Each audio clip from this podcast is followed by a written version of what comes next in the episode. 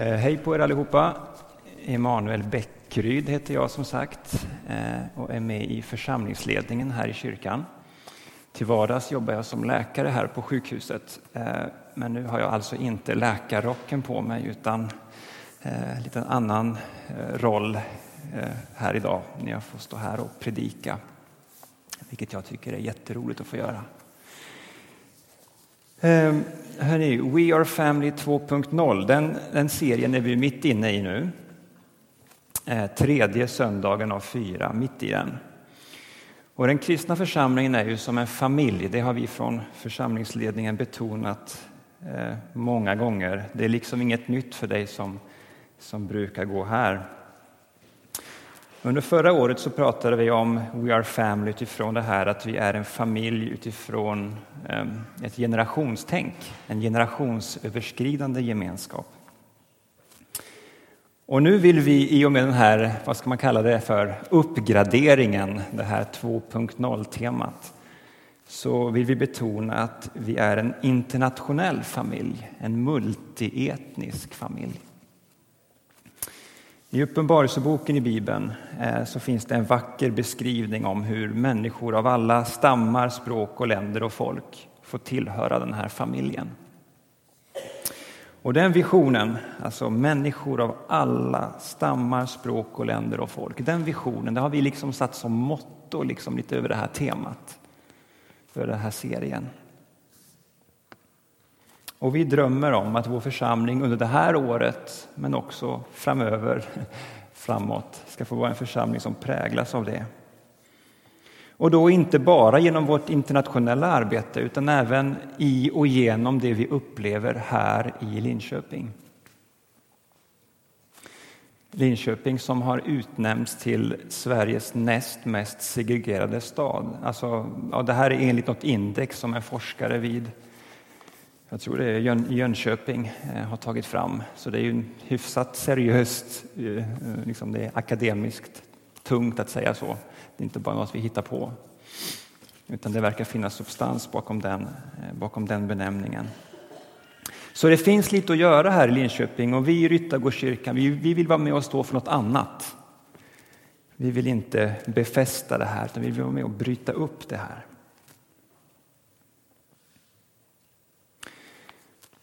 Om jag säger namnet Wycliffe så tror jag att det är väldigt få här som direkt associerar till eh, den engelske teologen John Wycliffe som levde på 1300-talet. Det kanske inte direkt tillhör allmänbildningen i vårt land liksom, att, att tänka på, på det när man hör ordet, eller namnet Wycliffe.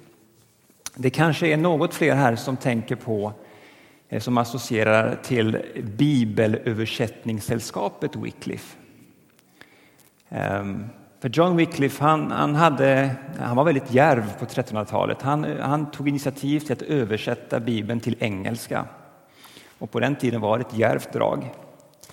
Eh, och därför så är det ett fint namn på en organisation som har som syfte att översätta Bibeln till så många språk som möjligt.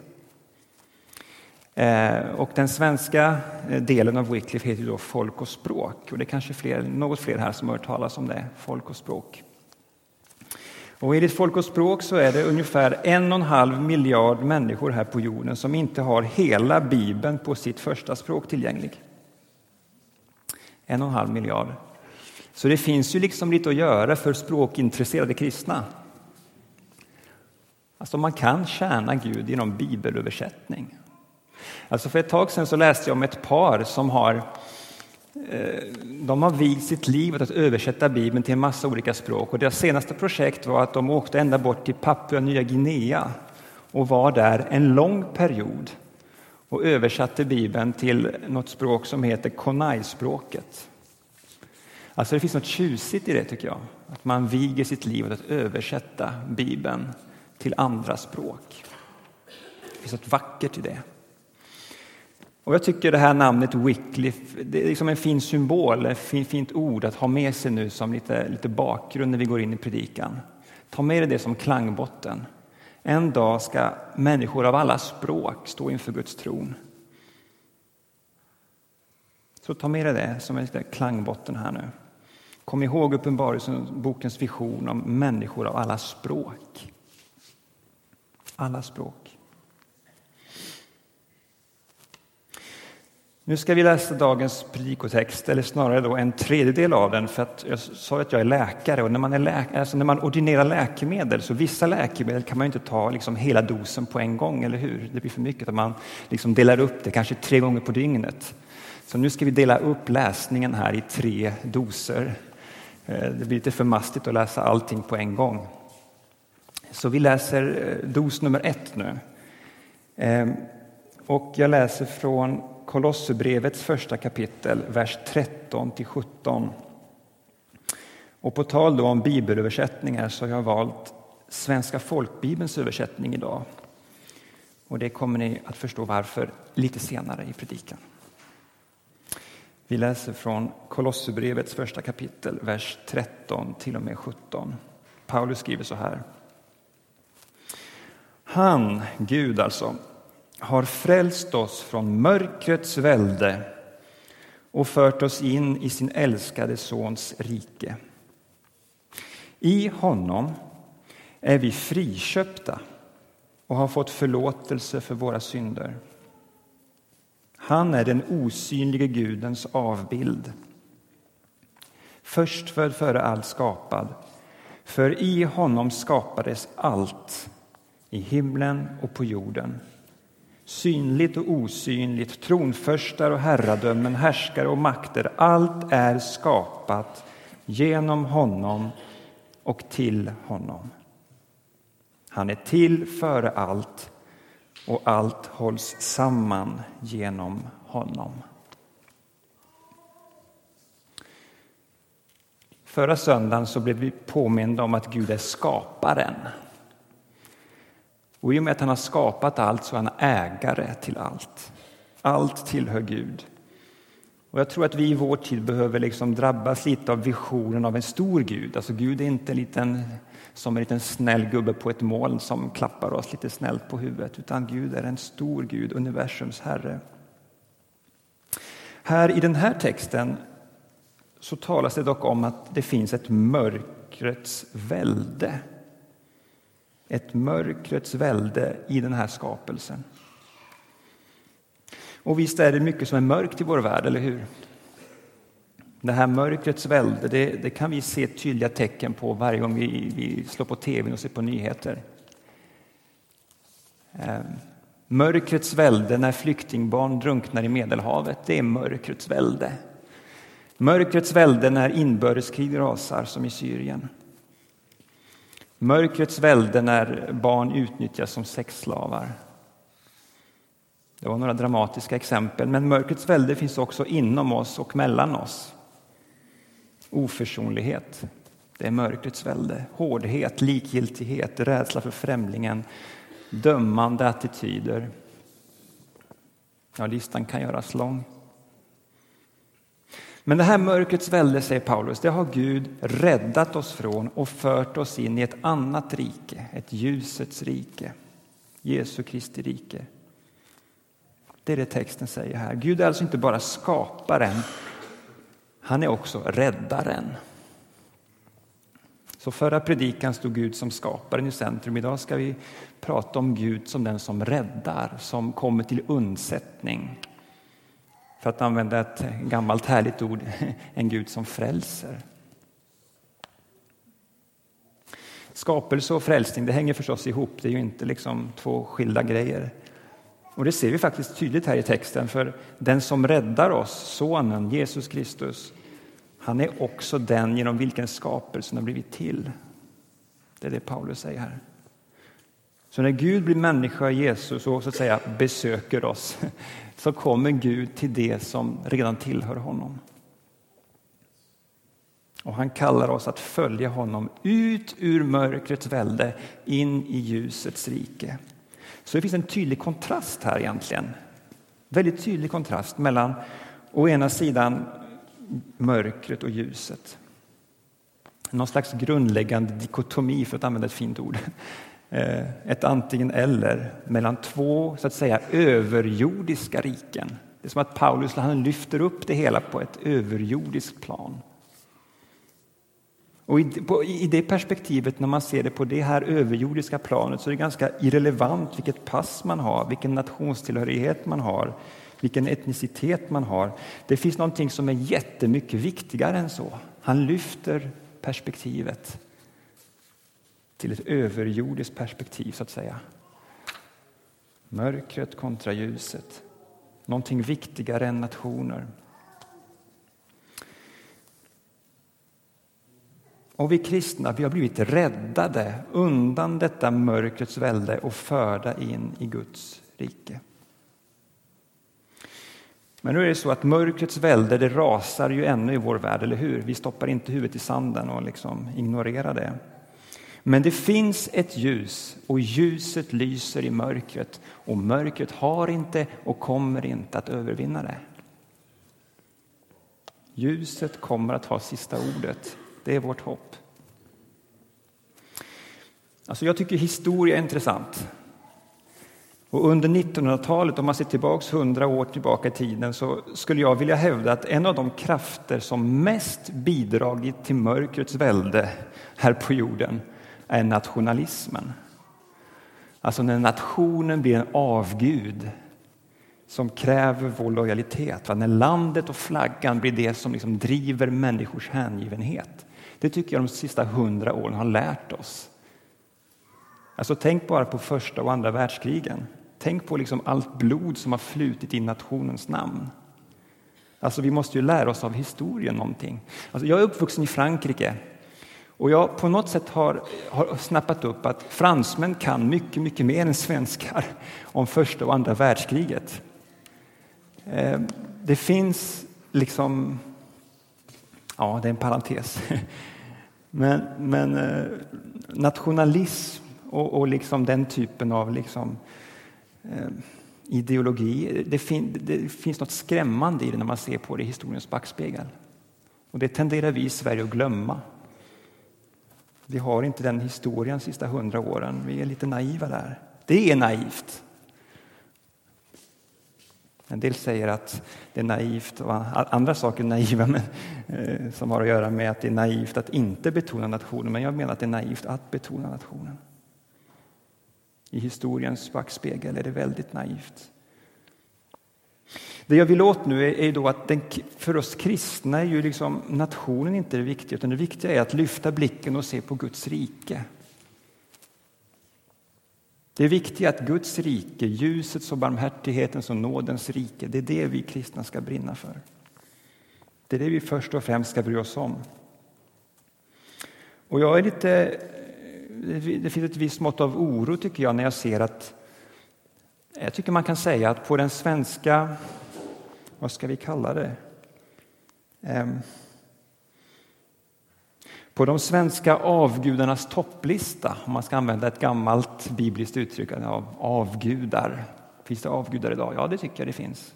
Inte så att vi, ber, att vi tillber, liksom, faller på knä inför statyer. Ehm, men det finns ändå avgudar i vår tid. Och på den, den listan så finns det en bubblare på något sätt här i Sverige och det är nationalismen, liksom bubblar upp som något som vi faktiskt behöver identifiera som en avgud. Och jag hoppas, eh, för, mig, för mig, och jag hoppas det gäller för dig också, så, så skulle jag vilja säga att, eh, att liksom, nationen är, för att använda ett annat bibliskt uttryck, fåfängligheters fåfänglighet och ett jagande efter vind. Det är inte det som är det viktiga.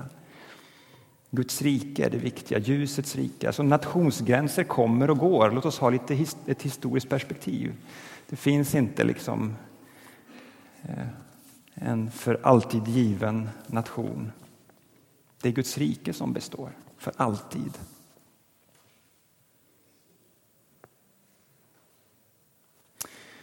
Nu är det dags för dos nummer två, dagens andra dos av bibel, bibeltext.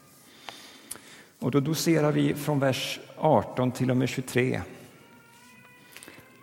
i samma kapitel. Och han, Jesus, det är Jesus Kristus då, han är huvudet för sin kropp, församlingen.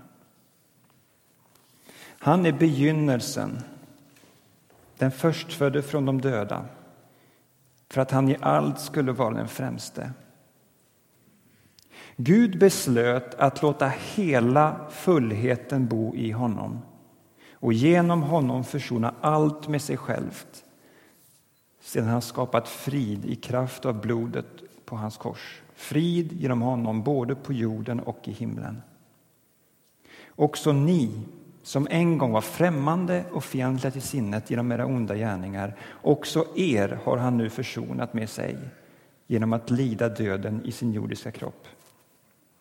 Han vill föra fram er heliga, fläckfria och oantastliga inför honom om ni verkligen står fasta och grundade i tron och inte låter er rubbas från hoppet i det evangelium som ni hört och som predikats för allt skapat under himlen och som jag, Paulus, har blivit satt att tjäna. Kanske lite tung läsning, men några saker här vill jag lyfta fram. I det första avsnittet jag läste så, så, så gjorde Paulus som sagt en tydlig distinktion då mellan mörkrets välde och ljusets rike. Men i det här avsnittet som vi nyss läste så fokuserar han på den kristna församlingen.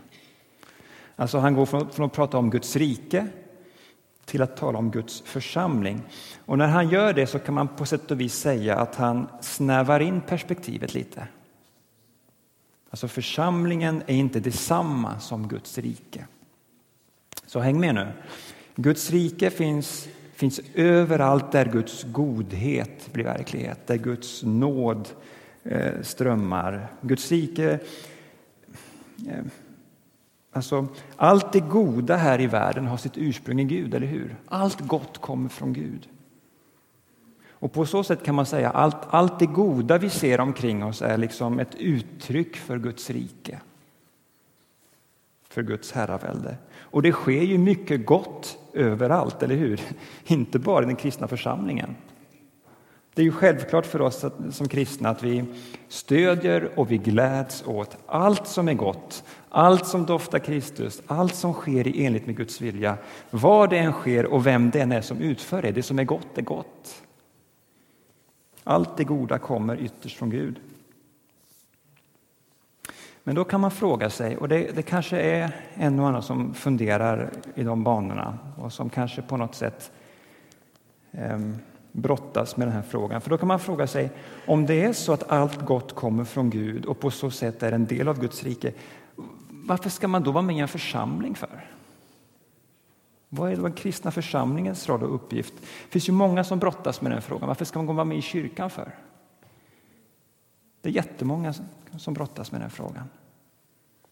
Om jag till exempel på mitt jobb gör en massa gott och, och ser på mitt arbete som att jag liksom utbreder Guds rike genom det jag gör i min vardag, varför ska jag då också tillhöra en församling? Är det inte lite onödigt? Vad är poängen med det?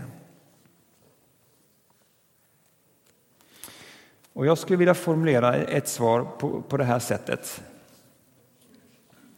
Det kommer en mening här. Jag tror att det är så här. Den kristna församlingen är den specifika gemenskap som Gud har kallat att på ett speciellt sätt spegla Guds rike och berätta om vem som är kung i det riket. Jag läser en gång till. Den kristna församlingen det är den specifika gemenskap som Gud har kallat att på ett speciellt sätt spegla Guds rike och berätta om vem som är kung i det riket.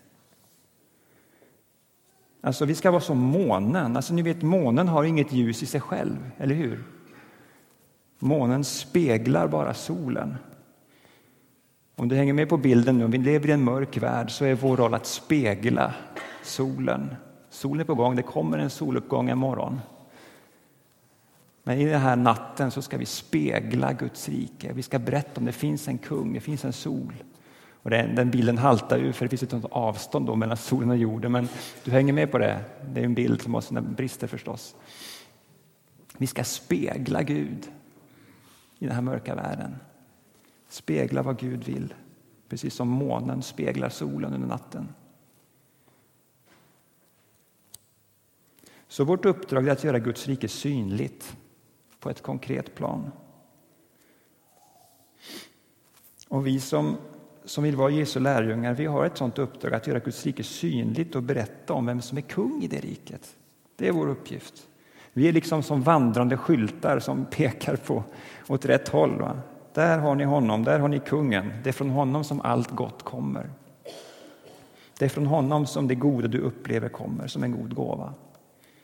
Människor vet inte varifrån det goda i livet kommer, men vi kan säga att det kommer från Jesus. Allt gott kommer från honom.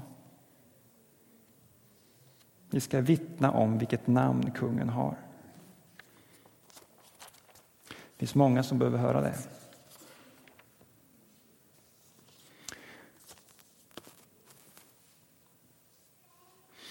Så i det här avsnittet vi, läste nyss så, så talar alltså Paulus om församlingen. Och han talar om vikten av att stå fast och grundad i tron. Stå fast i det du har. Och när han tilltalar medlemmarna i den församlingen så säger han också ni. Säger han. Också ni. Och de orden kan sägas egentligen till vilken människa som helst. Också du. Också du, var du än kommer ifrån, hur du än ser ut, vilket pass du än har, vilket språk du än talar. Tänk på Wycliffe. Också du är älskad av Gud. Också du är välkommen i hans öppna famn. Också du kan få tillhöra den stora familj som heter kyrkan. Så nationalitet och etnicitet spelar ingen roll i vår gemenskap. För Gud har skapat allt och han vill försoning med alla människor. Vi ska spegla ljusets rike och berätta om vem som är kung. Vi ska strax läsa det tredje bibelavsnittet, den tredje dosen av Bibel idag. Men innan det så vill jag citera några rader ur en bok som jag skrev för tiotal år sedan. Och den finns numera faktiskt på kyrkans hemsida. Eh, och I boken finns, finns ett exempel från en kristen församling i Frankrike, i staden Amiens.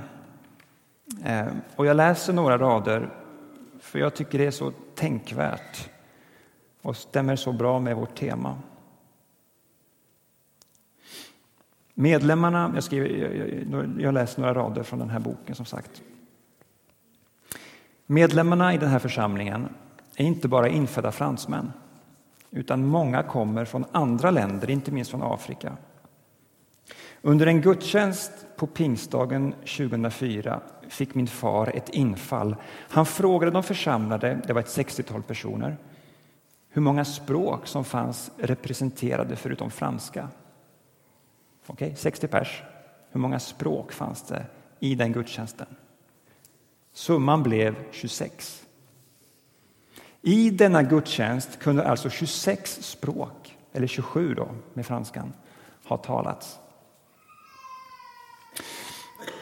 Jag tycker det liksom speglar någonting vackert.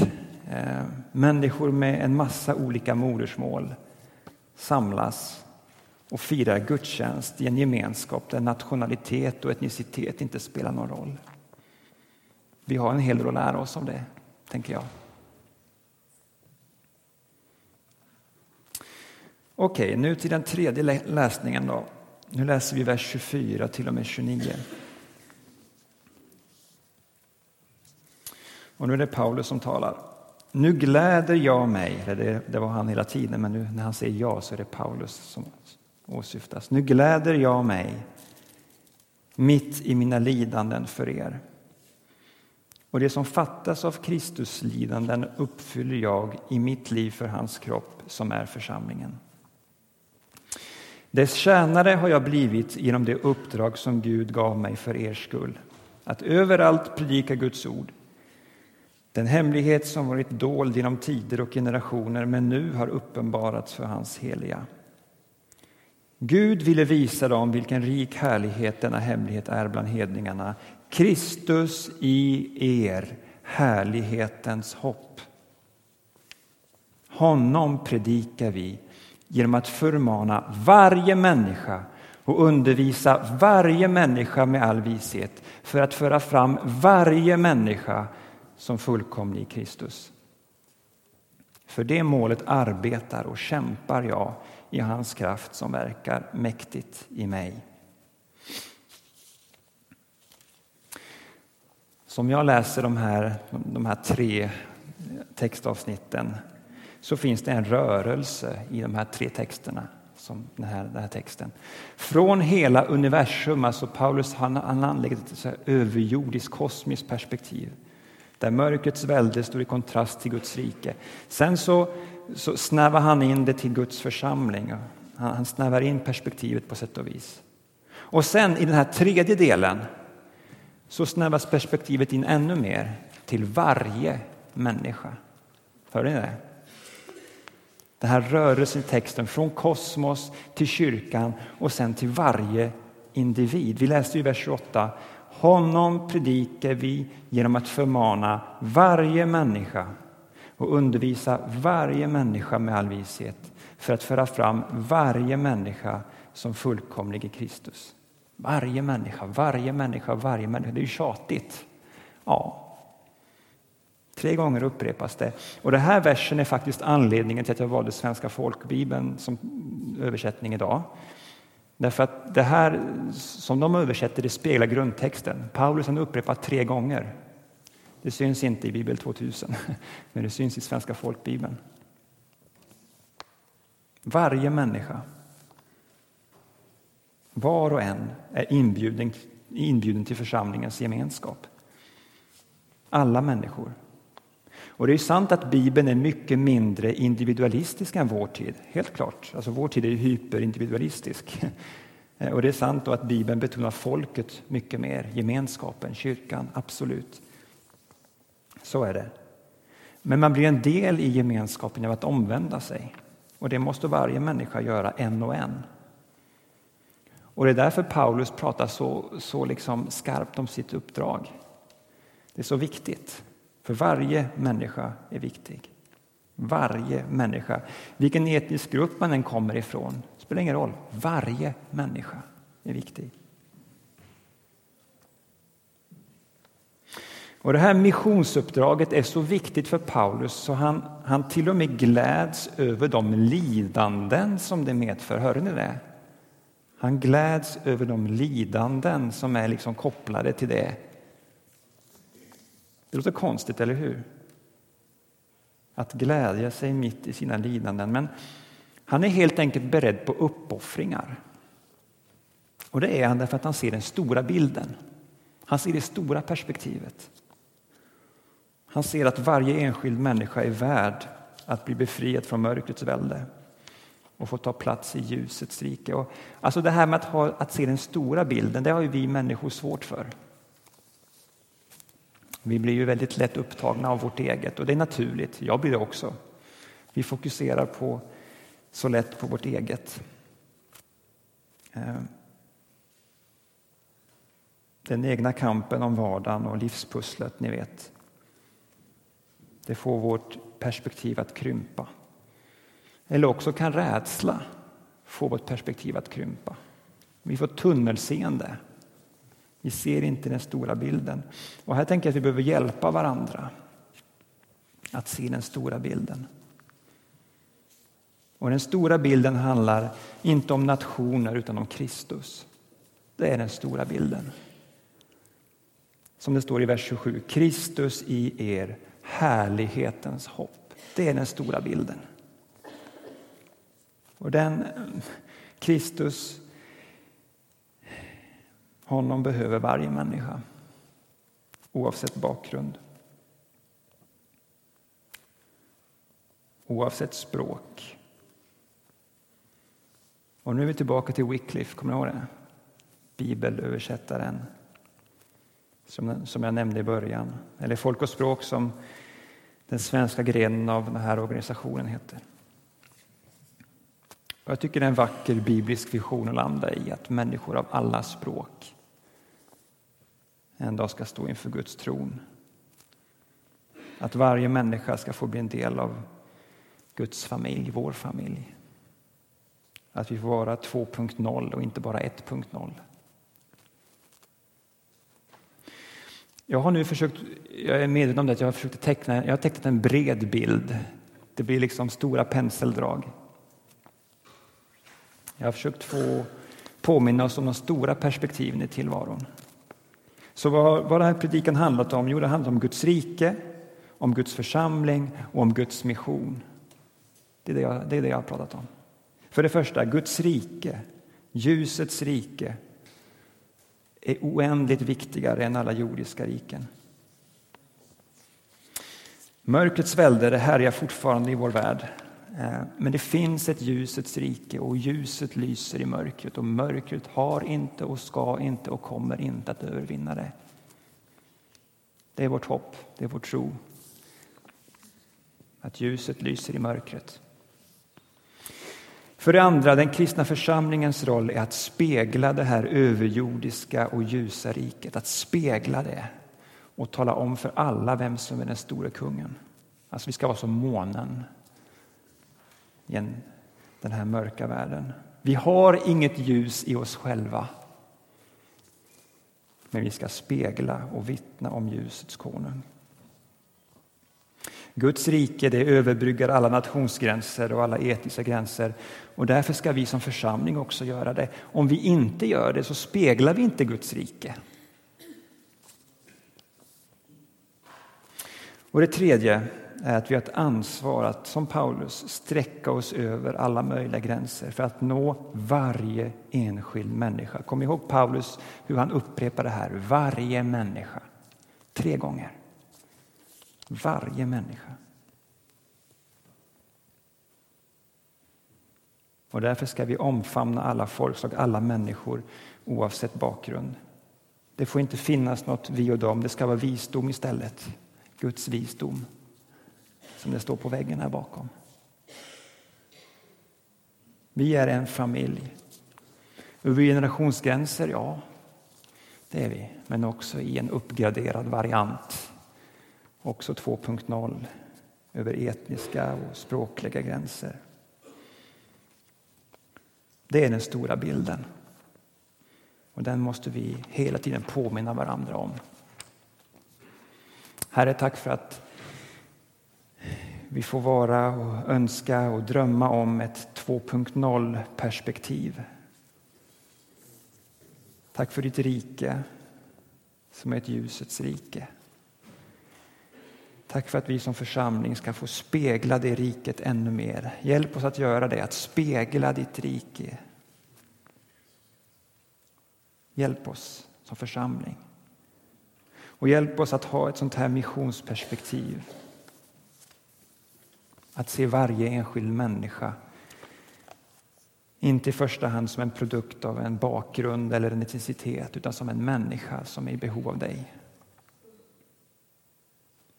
Hjälp oss, Herre. Öppna våra sinnen. Hjälp oss att se den breda, den stora bilden. Öppna våra ögon så vi ser. Vi älskar dig, du ljusets konung. Vi vill spegla dig och inget annat. Amen.